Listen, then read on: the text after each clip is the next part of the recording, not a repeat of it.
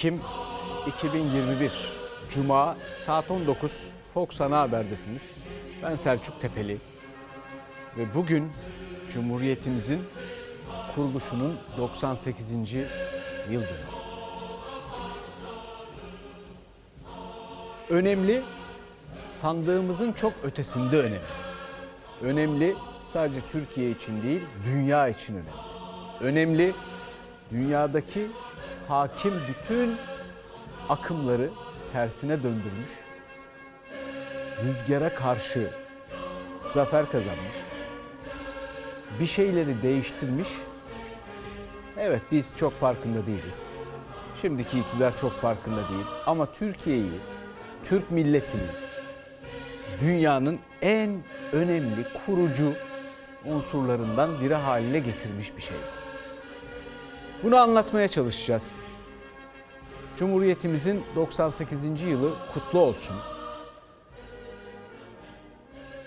Mustafa Kemal Atatürk, Gazi Mustafa Kemal Atatürk, bütün silah arkadaşları. Efendim o zor zamanlarda büyük yazarımız Ahmet Hamdi Tanpınar'ın dediği gibi uzun savaşlardan sağ kalmış bir avuç insanı birleştirerek kurtarılmış vatan. Üstelik de Falih Rıfkı Atay'ın söylediği gibi sadece batıdan vatanı kurtarmakla kalmayıp vicdanı da doğudan kurtararak neticelenmiş. Cumhuriyetin kurulmasıyla taşlandırılmış bir süreç. Ve ondan sonra da her mevkiye gereken insanı yetiştirmeyi, her şey için gereken kurumu oluşturmayı başarmış. Bunları hafife alıyoruz. Biz hafife aldığımız için dünya da hafife alıyor.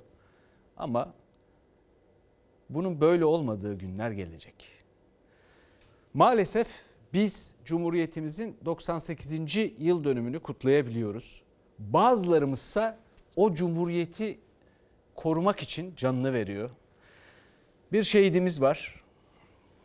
Piyade uzman çavuş Harun Çalışkan. Pençe Yıldırım operasyon bölgesinde PKK'lı, YPG'li teröristlerce döşenen el yapımı patlayıcının infilak etmesi sonucu bu ülkeyi, bu cumhuriyeti korumak için canını verdi. Ve Samsun'da memleketinde gözyaşlarıyla toprağa verildi. Şehidimize Allah'tan rahmet dileyelim. Yakınlarına ve bütün milletimize de başsağlığı dileyelim.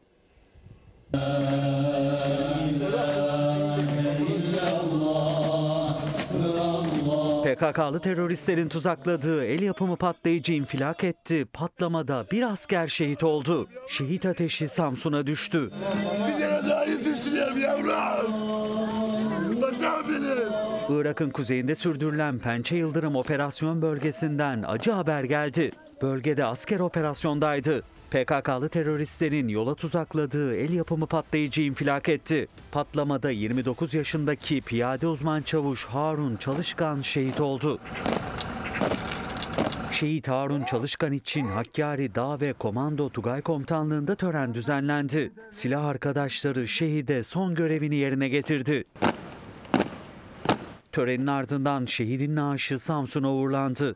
Piyade uzman çavuş Harun Çalışkan'ın şehit olmadan iki saat önce annesiyle telefonda görüştüğü, beni merak etmeyin zaten bir ay sonra izne geleceğim dediği öğrenildi.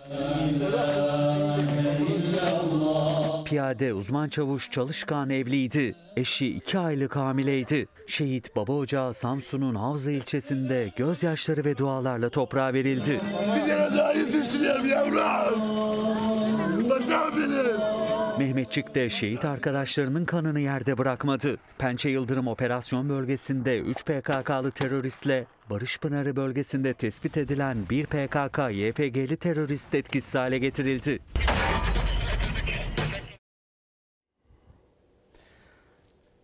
Efendim Cumhuriyetimizin 98. yıl dönümü törenlerle kutlandı.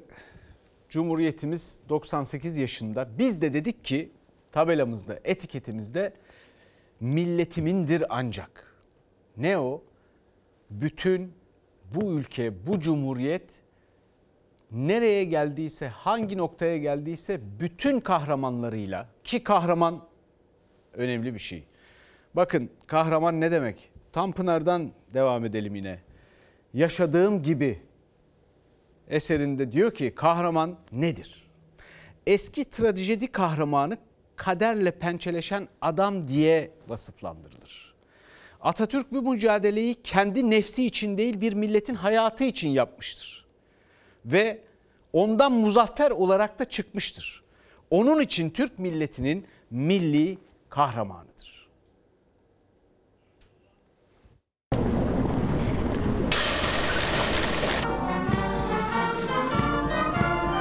Cumhuriyet'in 98. yıl dönümünde Anıtkabir'deki resmi tören, iktidar muhalefet komuta kademesi tam kadro ve yine Anıtkabir yönetmeliğine aykırı olduğu halde avluda alkışlar.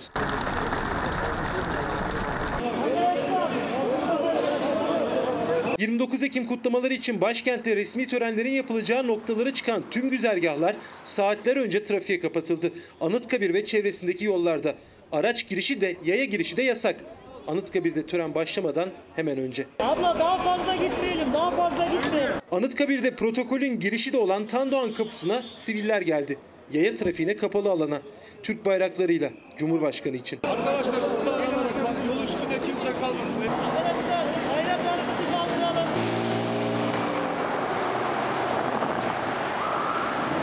Cumhurbaşkanının konvoyu geçtikten sonra siviller de karşı kaldırıma geçti. Anıtkabir'deki resmi tören biterken Erdoğan bu kez avludaki sivillerin alkışları ve tezahüratlarıyla ayrıldı. Milliyetçi Hareket Partisi Genel Başkanı Cumhurbaşkanı Erdoğan Beştepe'de kutlamaları kabul etti ama Osman Kavala hakkında ahim kararına uyulması çağrısı yapan 10 ülkenin büyükelçisinin törene davet edilmediği ortaya çıktı. İstenmeyen kişi ilan edilmediler ama Cumhurbaşkanlığına da davet edilmediler.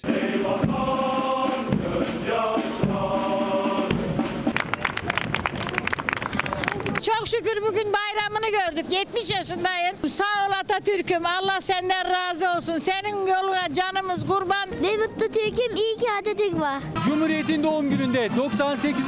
yıl dönümünde coşku Anıtkabir'den sonra başkent sokaklarına da taştı. Büyük bir sevinç, büyük bir gurur. Başkentliler Cumhuriyet'in doğum gününü kutluyor. Bugün doğum günüm doğru. 82 yaşındayım. Neler hissediyorsunuz bugün? Aa neler hissetmiyorum. Çocukluğumu yaşıyorum. Çok çok coşkuluyuz. Cumhuriyetin kurulduğunu kutluyoruz 98. yılı. Yeni meclisten birinci meclise kadar süren 29 Ekim Cumhuriyet Kortej yürüyüşünde coşku tavan yaptı. Alkışlarla Türk bayraklarıyla destek büyüktü. Duygulu anlar yaşandı. Bu millet yıkılmayacaktır. Bu güzellikler olduktan sonra ben de duygulandım. Konuşamıyorum bile. Kalkıp Sinop'tan geldik. Bugün bizim doğum günümüz. Ülkemizin doğum günü. Biz Atatürk sevgisiyle, Cumhuriyet sevgisiyle büyüdük evladım. Atatürk sevgisi hiçbir zaman ölmeyecek. Bayrağı kendim yaptım. Kurban olurum. Allah vatanımızı korusun. Cumhuriyete bağlılık, Atatürk sevgisi başkent sokaklarında doyasıya yaşandı. Bizi bu hale getiren, düşmanlardan kurtarmış, bizi böyle bir memleketimizde yaşatıyor. Onun yolunda gidecek küçücük çocuklarımız. Büyükelçiler zaten bavullarını toplamıştı bazısı biliyorsunuz. Tatile gitmişlerdir herhalde. Evet şimdi Anıtkabir'deki yasağa gelelim. Ee, Anıtkabir'de beğenmedikleri gazetecileri e, Anıtkabir'e sokmadılar. İsim alabilir miyim? Barış Kaya Fox TV basın kartı var.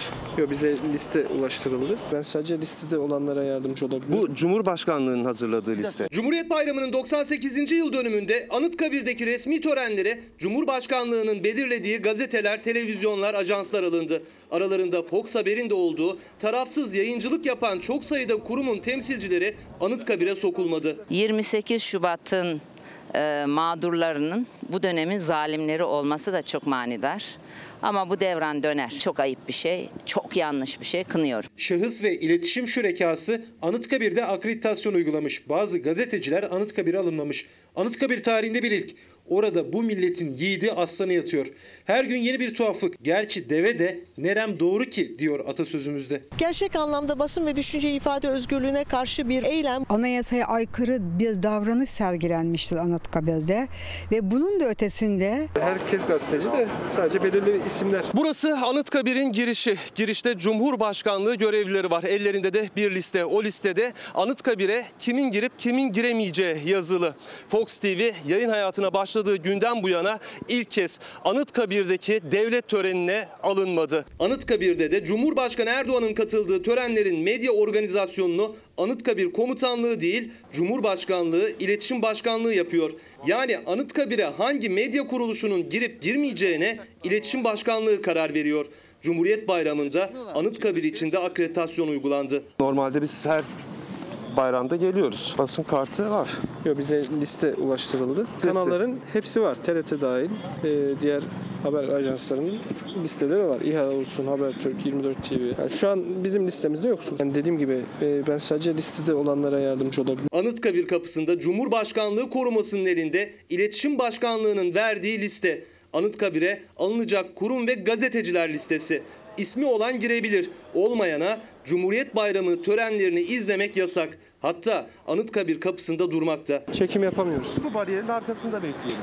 Olur geçin buyurun. Biz siz için bir şey demiyoruz. Aynen. Sadece en azından bekleyebileceğimiz bir yer oldu. Cumhuriyet Bayramı, Fox TV, Yeni Çağ Gazetesi, Tele1, KRT, Halk TV var mıydı? Birçok televizyon kanalı ve e, basın yayın kuruluşunun akreditasyonu iptal edildi. Bugün 29 Ekim'de Atatürk'ü seven, Cumhuriyet'in temel ilkelerini ve e, prensiplerini benimsemiş, Türkiye Cumhuriyeti'nin sınırlar içinde yaşamaktan gurur duyan grupların Anıtkabir'e alınmamasını ben söyleyecek kelime bulamıyorum. Gerçek anlamda basın ve düşünce ifade özgürlüğüne karşı bir e, eylem. Bu ülkede de demokrasinin e, yeşermesine engel olan bir tutum. İktidarın bu tutumunu kınıyoruz. Anıtkabir'deki töreni takip etmek isteyen Fox TV, Cumhuriyet ve Ankara'dan meslektaşlarımız İletişim Başkanlığı'nın emriyle içeri alınmadı. Bu yapılan akreditasyon değil, sansürdür. Hayırdır? Neden korkuyorsunuz? Bu antidemokratik uygulamalar ne? Bu sansür ne? Muhalefetten, basın örgütlerinden Cumhuriyet'in kuruluş yıl dönümünde Anıtkabir için uygulanan akreditasyona yasağa tepki yükseldi. Bu cumhuriyetin kurucusuyla bu ülkenin insanların arasına siyasi herhangi bir filtre girebilir mi? Gerçekten bunu yapabileceğini düşünen var mı? Varsa aklına şaşarım. Hakikaten şaşarım. Çünkü herkes gelip geçici. Bakın bu cumhuriyet kalıcı. Biz onun evlatlarıyız. Nasıl gireceksiniz araya? Nasıl? Böyle mi? Oradaki görevliler verilen talimatları uyguluyorlar. Vicdanlarının sızladığından kuşkum yoktur. Fakat bu yapılan hakikaten nedir yahu? Şöyle düşünün. 28 Şubatçılar onları bu konularda eleştiremiyor insanlar. Çünkü uzun siyasi geçmişler böyle şeylere engel oluyor. Benim için öyle bir şey söz konusu değil. Yanlış olduğunu söylediğim şeylerdi zaten. O zaman şimdi gayet açıklıkla aynı şeyi söyleyebilirim. 28 Şubatçılar gibi davranıyorlar. 28 Şubatçılar gibi. Ne gördülerse üstüne menfi manada bir şeyler katarak devam ediyorlar yola. Efendiler buradan bir yere varamazsınız. Bir izleyicimiz demiş ki çünkü o benim milletimindir ancak. İstiklal Marşımızda var. Bir izleyicimiz daha diyor ki bazen seni çok seviyorum diyemezsiniz. Gözlerinizdeki yaşlar yanaklarınızdan süzülür. Böyle devam edin, devam edin böyle. Sonra ne oldu? Sonra ne oldu? Sonra konunun bizimle falan bir alakası yok. Bu zaten senelerdir kimi durumlarda, kimi projelerde, kimi vakalarda ortaya çıkıyor. Fakat resmi törenden sonra Anıtkabir halka açıldı. Halka açıldıktan sonra ne oldu biliyor musunuz? tüm medyaya kapatıldı. Yani halk orada coşkuyla atasına koşarken kimse görüntülemesin diye herhalde.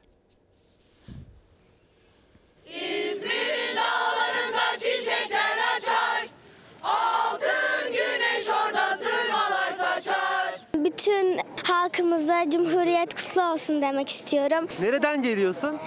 Ben İzmir'den geliyorum. Ya çok güzel bir duygu anlatamıyorum. Gerçekten çok heyecanlıyım, çok mutluyum. Kalplerden geçen hep bir ağızdan söylenen marşlar. Eline bayrağını alan, Cumhuriyet coşkusu yüreğinden taşan, tüm zorluklara rağmen onun için yolları aşanlar, Türkiye'nin dört bir yanından gelen her yaştan ziyaretçiyle doldu atanın huzuru. Ama gazetecilerin Anıtkabir avlusunda, Mozole'de o coşkuyu, minneti görüntülemelerine izin verilmedi. Gerekçe pandemi. Çok büyük bir destan, hiç bitmeyecek bir destan ve, ve eminim 98'de de 998. yılına kadar da Türkiye Cumhuriyeti ilelebet payidar kalsın. Bunu yaşatmak, bunu korumak, bu bizim görevimiz. Özellikle seçtik bugünü. 29 Ekim'de çifte bayram yaşamak istedik. Ne mutlu ki atamızın huzuruna geldik. Sonsuza dek atamızın da izindeyiz. Buradan çıkıp düğüne gideceğiz.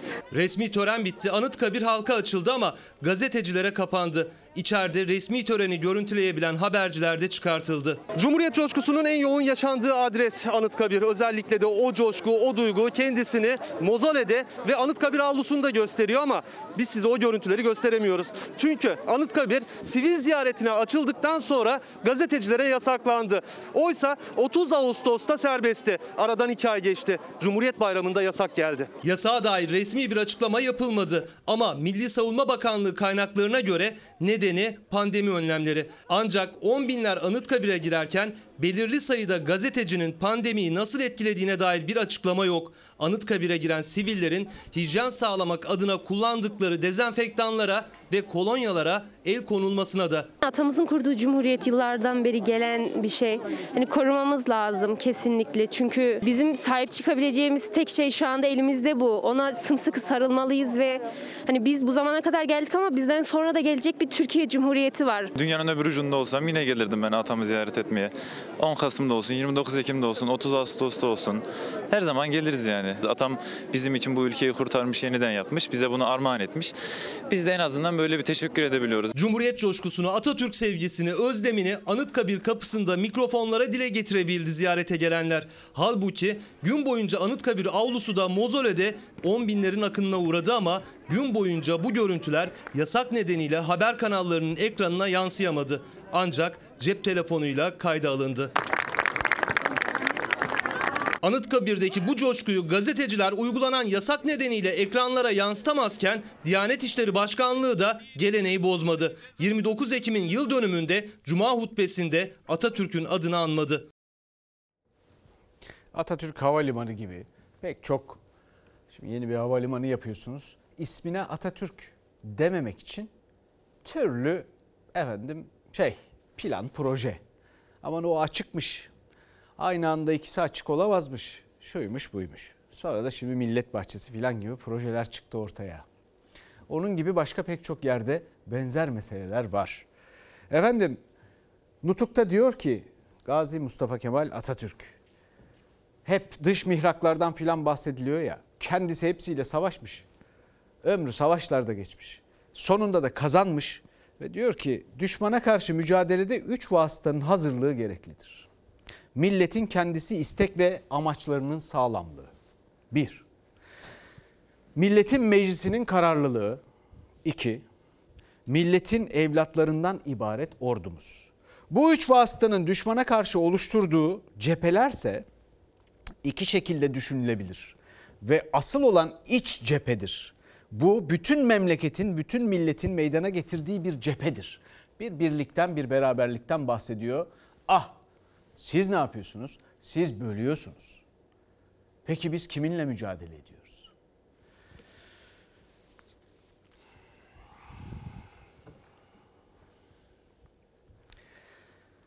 Efendim siyasi partilerin de klipleri vardı.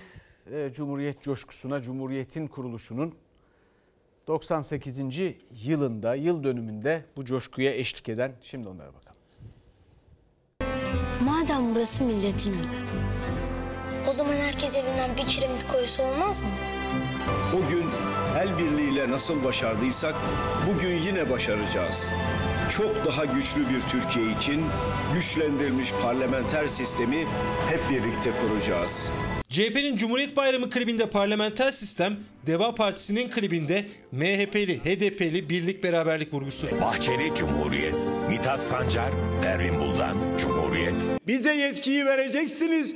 Dostlarımızla beraber bu ülkede nasıl bir bahar havası estireceğimizi göreceksiniz. Ekonomide, iç siyaset ve dış politikada elde ettiğimiz bu başarılar Cumhurbaşkanlığı hükümet sisteminin etkinliğini de gösteren önemli bir işarettir. Muhalefet parlamenter sistem çalışmasını yürütürken Cumhurbaşkanlığı hükümet sistemine vurgu Erdoğan'ın bayram mesajında da vardı. Mevcut sistemle meclisin yetkileri elinden alındı diyen CHP, Cumhuriyet'in 98. yılı için hazırladığı kutlama filminde meclisin gücüne vurgu yaptı. Bura kimin evi olacak böyle? Senin evin olacak. Benim, onların, hepimizin evi olacak. Milletin evi olacak evlat. Olacak da kiremit olmadan bu çatı nasıl olacak onu bilmiyorum. Madem burası milletin evi. O zaman herkes evinden bir kiremit koysa olmaz mı? Birinci meclis binasının inşası sırasında bir milletin omuz omuza vererek meclis çatısı altında buluşması ve Kılıçdaroğlu'nun güçlendirilmiş parlamenter sistem sözü. Oldu ya 1920'de kurulan ilk meclisimizin çatısına herkes bir kiremit koydu. Ve bu memleket işte o çatının altında kuruldu. O gün el birliğiyle nasıl başardıysak bugün yine başaracağız. Güçlendirilmiş parlamenter sistemi hep birlikte kuracağız. Çırağı da Cumhuriyet, ustası da. Doktoru da Cumhuriyet, hastası da. Gezsen Anadolu'yu. Baştan başa Cumhuriyet. Deva Partisi de Cumhuriyet'in kazanımlarına vurgu yaptığı klibinde her konuda olduğu gibi sistem konusunda da karşı karşıya olan iktidar ve muhalefeti yan yana getirdi. Birleşme noktası Cumhuriyet diyerek. Davutoğlu Cumhuriyet, Kılıçdaroğlu Cumhuriyet, Erdoğan Cumhuriyet. Babacan Cumhuriyet. Mustafa Kemal Atatürk Cumhuriyet. Evet çok başka bir açıdan yaklaşalım şimdi. Hangi açıdan? Bir milli mücadele verilmiş. Yunanistan, İngiltere, Fransa, İtalya gibi ülkelere karşı bir zafer kazanılmış. Ve orada Türkiye'ye dair bütün düşmanca karşı taraftaki duygulardan bahsediyorum. Bir cumhuriyetin kurulmasıyla beraber birkaç hafta içinde bir sempati rüzgarına dönüşmüş. Bu bir mucize, bir dehanın eseri. Fakat biz bunları ihmal ediyoruz. Daha ötesi var. Birinci Dünya Savaşı'nda Avrupalıların yaptığı hatayı yüzlerine vurmuş, kaç kez söylemiş. Nasıl demiş?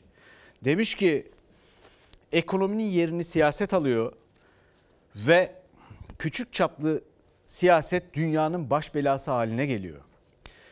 Bir milletin diğerine müdahalesi, onu paylaşmaya çalışması, nasıl paylaşmaya çalışması? Yani Almanlara tazminatlar, şunlar bunlar.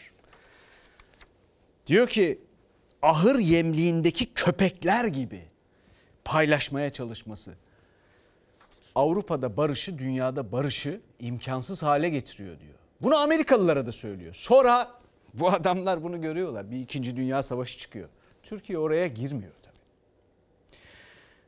İkinci dünya savaşı çıktıktan sonra bunu Avrupalılar bu sefer anlıyorlar. Robert Schuman diye bir adam var. Tekneyle Fransızların o dönem Dışişleri Bakanı sonra Başbakanlık da yaptı. Avrupa Parlamentosu'nun ilk başkanlarından biri. Diyor ki ya bırakalım bunu. Paylaşmayı, saldırmayı, şunu bunu. İşbirliği yapalım. Bunu ilk yapan milli mücadeleden sonra kazandığı savaştan sonra tarihte ilk yapan Atatürk. Onu büyük yapan bu. Biricik yapan bu. Ve Avrupa Birliği demir kömür topluluğu olarak bu mantık üstüne ondan sonra kuruluyor. Şimdi diyorlar ki bana Türkiye Avrupa Birliği üyesi olamaz. Ya buna siz buna Türk milleti karar verir. Fakat o birliğin mantığında bile Atatürk vardır. Şimdi bana da efendim nereden biliyorsun şu bu demeyin. Bakın bu e, pure info terroir'dır. Yani saf yerel bilgidir onu söyleyeyim size. Bunları ihmal etme Türkiye. Bunları ihmal etme. Ey Türk siyaseti. Şu anda bile dünyanın çaresiz kaldığı pek çok sorunun cevabı orada o dehada bir bölümü Nutuk'ta onun gibi başka pek çok yerde mevcuttur. Efendim şimdi geçelim. Başka gündemlerimiz var. Ee, korona virüsüyle bir mücadele var. Covid-19 salgınıyla. Orada pişmanlığın yetmediği bir örnek, bir vaka maalesef. Aşı olmamıştı. Herkese şiddetle ama şiddetle hem kendi hem aile hem toplum sağlığı için aşılarını yaptırmalarını tavsiye ediyorum. Bursa'da yaşayan 38 yaşındaki Seval Garip aşı pişmanlığını böyle anlatmıştı. O pişmanlığı dile getirdikten 10 gün sonra da yaşamını yitirdi. Genç adam sosyal medyadaki aşı karşıtlarına inanıp aşı olmamıştı. Yoğun bakıma alındı. Durumu kötüye gidince entübe oldu. Bütün çabalara rağmen kurtarılamadı. Sosyal medyada vesaire birçok farklı mecrada işte aşının sonrasındaki dönemde oluşabilecek yan etkisi, insana zararı gibi düşüncelerim vardı. Eminim aşının varsa eğer yan etkisi şu ana kadar kullandığım ilaçların yan etkisi onun 100 katıdır.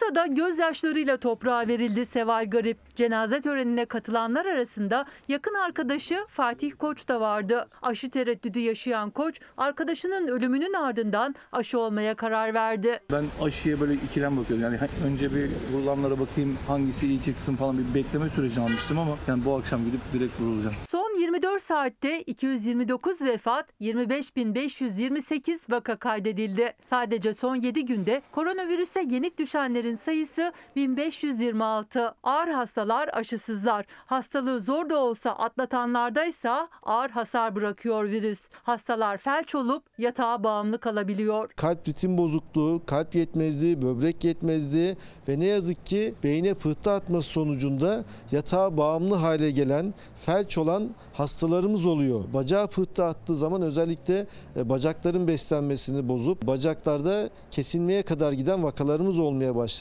Virüsün yayılması ise çok kolay. Zaten vaka sayıları da bunun kanıtı. Son bir haftada 200 bine yakın kişiye koronavirüs teşhisi konuldu. Üstelik belirtileri önemsemeyip test yaptırmayanlar bu sayıya dahil değil. Onlar hastalığı hızla bulaştırmaya devam ediyor. Halkımız sadece mesela koku tat kaybı olunca test veriyor. Aslında bu yanlış bir yönlendirme oldu biraz. Özellikle yine ateş, burun akıntısı, boğazda ağrı, halsizlik varsa yani sinüzit belirtileri de varsa e, mutlaka PCR testi yaptırmaları gerekiyor halkımızın.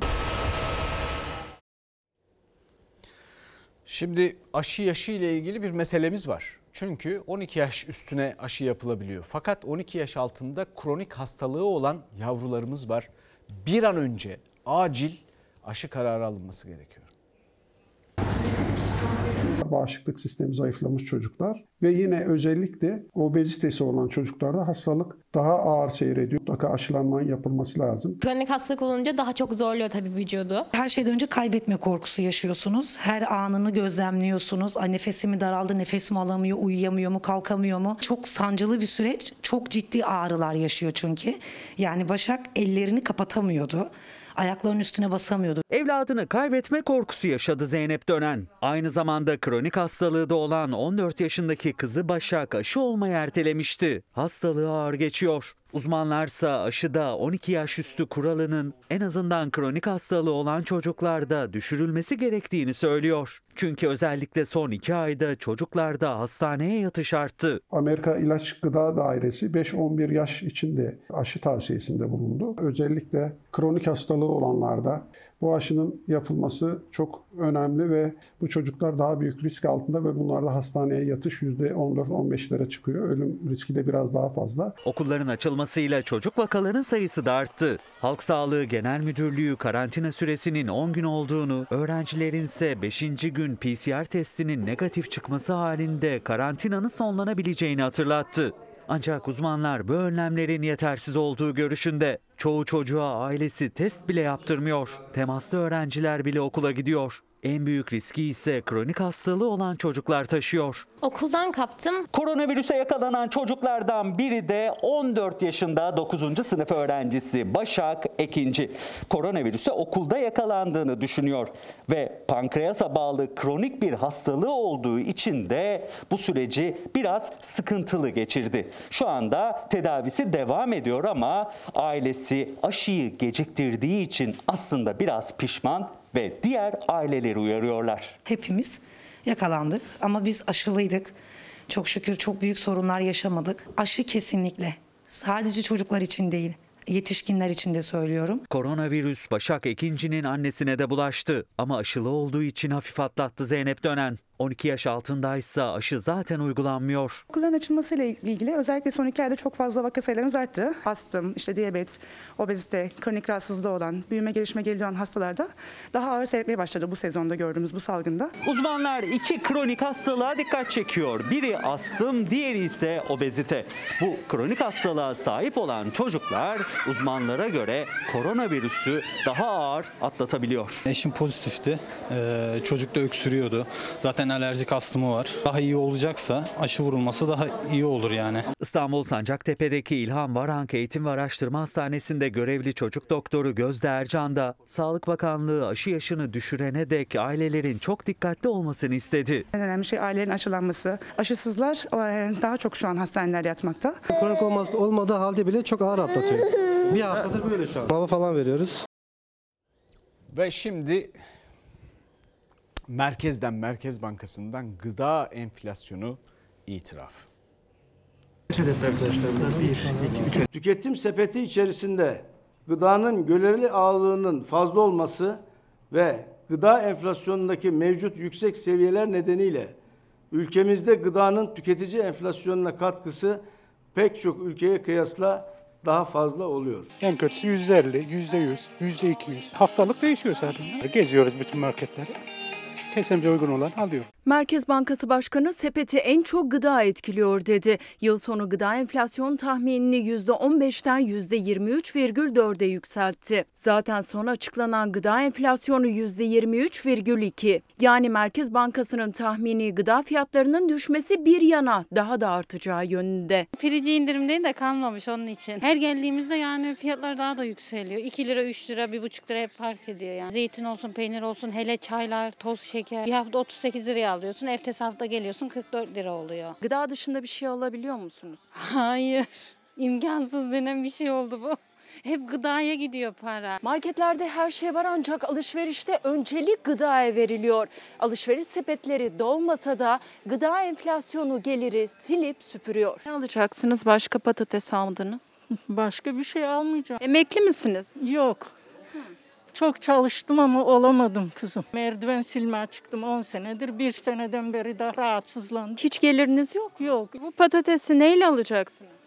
Neyle işte cebimde şu kalan paramla. 72 yaşındaki Habibe Şen gibi kuruş hesabı yapmak zorunda tüketici. Merkez Bankası Başkanı Şahap Kavcıoğlu'nun enflasyona katkısı çok dediği gıda fiyatlarının düşebilmesi için TESK Başkanı Bendevi Palandöken de önerilerini sıraladı. Tarladan sofranıza gelinceye kadar kamyoncu esnafının, nakliyeci esnafının ticari yakıt, e, yakıtlarda bir indirim sağlandı. Otobanlardan e, seyahat edip bir an evvel e, bu ürünleri yetiştirmeye çalışan esnafın yüksek maliyetlere mal olduğu için ürünleri yansıtmak zorunda kalıyorlar. Günlük artıyor yine. Bugün dedim 10 liraysa yarın görürse 11 liraya 12 lira olmuş. Emeklisiniz çalışıyorsunuz. Çalışıyorum evet. Çalışmasanız Geçinemem. kıvırcık ne kadar mı? 5 lira. Bir de ne var maydanoz? Maydanoz var. ha. Kendi imalatımız bu dışarıdan gelmiyor bir şey gelmiyor. Maydanozla kıvırcık 7,5 lira birer demet. Evet. Akaryakıt gibi giderlerde indirim yok. Üreticinin, nakliyecinin maliyeti yüksek. Çare ise marketlerde denetimde aranıyordu. 5 zincir markete 2 milyar 671 milyon lira para cezası kesildi. Tüketici bu soruşturmadan sonra fiyatlar düşecek mi merak ediyor. Hayal ürünü mü diyeyim ne diyeyim ya? Başkasının cebini sen nasıl kontrol edeceksin ki? Adam istediği fiyatı serbest ekonomi demişsin. Ne yapabilirsin yani? Bir gücün mü var? İstediğine satar. Serbest ekonomi diyorsun. Sen ne yapabilirsin ki? Şimdi öyle acayip bir durum ki bu 2.7 milyar Türk lirası ceza kesilmiş ya. Ben size söyleyeyim şimdiden. Bunları da raflardaki fiyatlara yansıtacaklar. Bizim cebimizden çıkacak. Ekonomi böyle yürüyor Türkiye'de çünkü. Orada onlar öyle bir Instagram hesabı gibi yönettikleri ülkede öyle bir poz verecekler. Denetleniyor gibi. Ama o bize yansıyacak. Efendim şimdi geçelim Beştepe'ye. Sarayın rakamlarına göre yoksulluk bakalım nasıl iki kat artmış. Ah garibim ah. Kimse anlamaz benim derdimden. Kıt kanaat. Kıt kanaat yaşıyoruz. Bizim pirzolamız patates kızartması. İngiltere'de raflar boş. Avrupa'da boş. Amerika'da boş. Bizde bolluk, bereket yoluna devam ediyor. Cumhurbaşkanı Erdoğan bolluk bereket var dedi ama yine Cumhurbaşkanlığının 2022 programına göre yoksul hane sayısı bir yılda iki katına çıktı. 2019'da 3 milyon 283 bin haneydi. Sosyal yardım alanların sayısı 2020'de 6 milyon 630 bin haneye yükseldi. Üstelik geçinemediği halde devletten yardım almayanlar da var. Devletten yardım alıyor musunuz? Yok almıyorum. Çocuklarıma bakmak için, Çalışıyor geçim musunuz? için. İşim bu. Pet plastik topluyorum. Ne kadar var? 2, 4, 5, 5 40 kuruş. O da bekliyoruz ikinci maaş gelsin de bakalım ne yapacağız. Ne zaman geliyor da diğer maaş? 24'ünde. Daha çok var. Diyorlar dolu ses uzakta sese iyi geliyor ya. Bu da aynı öylene benziyor.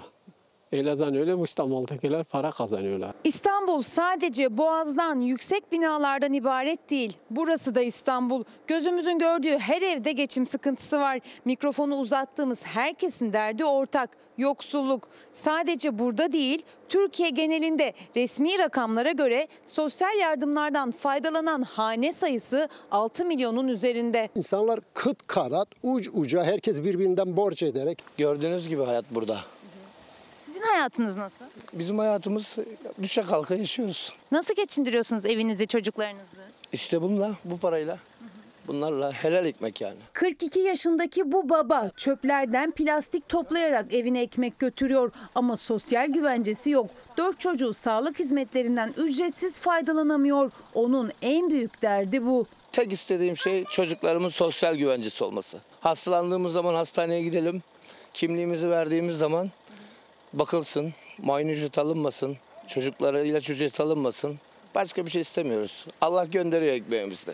72 yaşındaki Menşure Odabaş'ın yoksulluğu da oğlu trafik kazası geçirince başladı. Emekli maaşı oğlu için çektiği krediye gidiyor, geçinemiyor. Ama kağıt üstünde maaşı göründüğü için sosyal yardımlardan da faydalanamıyor. Muhtara gittim.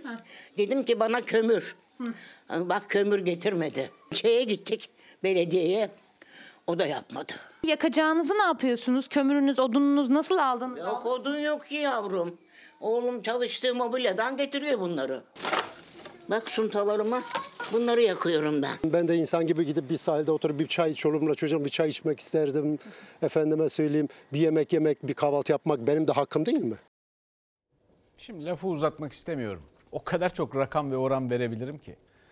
Yani son 50 yılı, son 100 yılı, son 20 yılı anlatan fakat bir şey söylemek istiyorum. Bakın buradan ortaya çıkan bir şey var. 20 milyona yakın insanımız yardıma muhtaç. Fakir. Bu ülkenin çalışanlarının yarısı ki çalışabilecek olanlarının da yarısının yarısı demek bu. Asgari ücretle yaşamaya çalışıyor. O da insanca bir yaşama uygun değil. Devletin kendi rakamlarına göre açlık sınırının altında. Sonra şu bu deniyor. Şimdi burada başka bir ki bu da Merkez Bankası çalışmasıdır. Başka bir grafik görüyorsunuz. Türkiye'nin kişi başı milli gelirinin gelişmiş ülkelerdeki kişi başı milli gelire kıyasla oranı. Gelişmiş ülkelerdeki öyle efendim şu bu falan filan değil. Gelişmiş ülkeler diye bildiğiniz hangisi varsa onlara karşı. Ne görüyorsunuz? 1923 Cumhuriyeti ilan etmişiz. İşte Cumhuriyetimiz öyle kıymetli. 1923 1938 zirveye ulaşmışız. O dönemde gelişmiş ülkelere karşı ne kadar kendi gelirimizin, milli gelirimizin, kişi başı gelirimizin arttığını görüyoruz orada. Sonra bakın 2010, 2015, 2020'ye kadar işte o sonundaki o kırmızı da sonrasında tamamlandı çünkü Merkez Bankası güncellememiş. Onu da Dünya Bankası'ndan aldık. Açık kırmızı ile görülen. Oraya asla ulaşamamışız. Oraya oradaki performansa asla ulaşamamışız. İşte dürüstçe politika Türkiye'yi düşünmek böyle bir şey. 100 sene geçmiş neredeyse. Bakın o performansa ulaşamamışız. Bunu aklınızdan çıkartmayın. Öyle efendim sözle lafla konuşmakla filan şunla bunla yerli milli olunmuyor. Şimdi geçelim kitap fiyatlarına, kağıtlara, kağıda gelen zam kitap fiyatlarını uçurdu. Ben coğrafya alacağım da.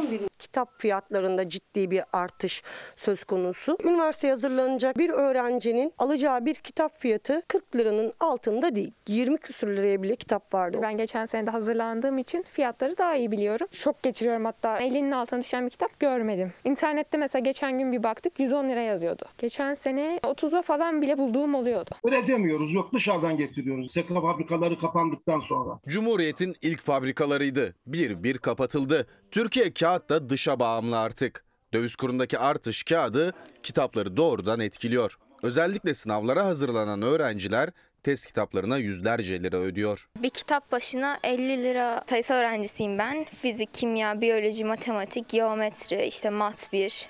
Bir de bunların TYT'leri. Yaklaşık bir 10 kitap alınıyor. Yani bayağı bir bütçe ayrılıyor. 2 ayda bir 500 lira. Ülkemize sadece selülozu dışarıdan gelmek şartıyla birinci hamur kağıt üretiyoruz. Türkiye'de tek kağıt türü üretiliyor. Onun da ham maddesi ithal. Yurt dışından alınan kağıdınsa hem fiyatı arttı hem de üstüne döviz farkı eklendi. Tonunu 700 dolara aldığımız kağıt bugün 1250-1300 dolara alıyoruz. Sene başında bir ton kağıdı 700 dolara alıyordu matbaacılar. Dolar 7 lira 35 kuruştu. Şimdi bir ton kağıt 1300 dolara çıktı. Dolarsa 9 lira 60 kuruş. Yani sadece ithal kağıt fiyatı 5145 liradan 12480 liraya yükseldi. Artış %142. Üstelik artan tek gider kalemi de bu değil. Elektriğimizde, işçiliklerimizde de artışlar var. Matbaacılıkta kullandığımız her şey kimya ve hep dışa bağımlı. Nasıl kitap fiyatları? Yüksek tabii. Sürekli kitap alamıyoruz. O kadar paramız olmuyor tabii. Her dersten aldık biz 350 civarında falan. 7-8 tane vardır. Üniversiteye hazırlanan öğrencilerin en çok ihtiyacı olan kitaplar soru bankaları. Bu da bir geometri soru bankası kitabı. Geçen sene fiyatı 69 liraydı. Bu sene 86 lira. Gelen zam yaklaşık %25. Tek bir kitaba e, hani normalde almamız gereken fiyatın katla kat çok daha üstünü veriyoruz. Sürekli almak zorunda. İki test kitabı alacaksan 130 liraya yakın tutuyor. Öğrencilerin en büyük yardımcısı soru bankaları. Sınava hazırlanmak için çözebildikleri kadar soru çözüyorlar. Bütçeleri ona zor yeterken kitaplar arasında seçim yapmak zorunda kalıyorlar. Okuyacak kitap almaktan çoktan vazgeçtiler. Okumak için kitap zaten artık alamıyoruz. Öyle bir şansımız zaten kalmadı. Şu an tamamen testlere odaklıyız. Fiyatlar aşırı uçuk ve yetişemiyoruz artık. Ya konu anlatımı alıyoruz ya soru bankası alıyoruz. Ailemiz her türlü destek olmaya çalışıyor zaten. Ama bir zaman sonra ne onlara da çok fazla yük olduğumu düşünüyorum ben kendi açımdan. Ama işte yapacak bir şey yok. Zorunluyuz. Gazetelerin bel kemiği artık ekranlara geliyor. Orta sayfa Fox'ta açılıyor. Deneyimli gazeteciler yorum, analiz ve en sıcak kulis bilgilerini bu kez ekranlardan paylaşıyor. Artık Ankara'da olan Ankara'da kalmayacak. Meclisin odalarında, siyasi partilerin koridorlarında konuşulanlarla, diplomasinin kapalı defterlerinde yazılanlar orta sayfada olacak. Fox Haber Genel Yayın Yönetmeni Doğan Şentürk, gazeteciler Murat Yetkin, Çiğdem Toker, Nevşin Mengü ve Deniz Zeyrek'le birlikte orta sayfayı yeniden yazmaya başlıyor. Orta sayfa yakında Fox'ta. Evet, tanıtımını izlediniz beklediğimiz merakla tartışma programının. Ben bir önceki habere dönmek istiyorum. Şimdi SEKA'yı kapat. Kağıt fiyatları uçtu ya ithal kağıt fiyatları. SEKA'yı kapat. 2005'te kapatıldı biliyorsunuz. Yerli kağıt sanayisini bitir. Şimdi bir şeyler söyleyenler olacaktır. Bakın sadece bu işi senelerce yaptım ben. Gazete yayın yönetmenliği yaptım. Sadece birinci hamur kağıt üretiyoruz. O da bir miktar, küçük bir miktar ki onun da selülozu dışarıdan geliyor bu arada. Sonra kağıdın yüzde yüzü ithal, kağıda yüzde yüz zam. Efendim burada söyleyecek fazla bir şey yok. Şimdi bir izleyicimiz demiş ki egemenlik kayıtsız şartsız milletimindir ancak. Net bunun üstüne söyleyecek bir şey yok. Atatürk de demiş ki demokrasi insan ırkının ümididir. Yeni Türkiye'nin temelindeki fikir aynen budur. Atatürk'ün iyi şeyler de oluyor. Bu akşam biz yetişemedik açılışına. Atatürk Kültür Merkezi Taksim'de İstanbul'da açıldı. Çok görkemli güzel görüntüler vardı. Emeği geçen herkesin Ellerine sağlık şimdiden söyleyelim. Güzel şeyler de oluyor. Bakın bunları da söylüyoruz. Şimdi bir ara. Bugünün Türkiye'si tarihin Türkiye'sine haksızlık ediyor diye düşünenler var aramızda. Sırtını tarihin Türkiye'sine verip aynı şeyi bugünün Türkiye'si için düşünenler var. Peki ama bunu niye yapıyoruz ki? Neden yapıyoruz? Hepsini kendi şartları içinde kabul etsek ve bundan vazgeçsek bu insanlar bütün Türkiye'yi niye sevemiyorlar ki? Hem bütün bir Türkiye'de herkes için daha fazlası var. Türk milletinin elleri hala güçlü fakat neyi kavrayacağını bilemiyor. Türk gibi güçlü bir deyim var biliyorsunuz. Türk gibi güçlü. Bütün dünya biliyor bunu. Türk gibi zengin, Türk gibi mutlu, Türk gibi huzurlu, Türk gibi umutlunun zamanı gelmedi. Cumhuriyet Bayramımız kutlu olsun. Hafta sonunda Gülbin Tosun'a başarılar dileyelim. Bizden bu akşamlık bu kadar. Gelecek hafta görüşmek üzere. İyi akşamlar.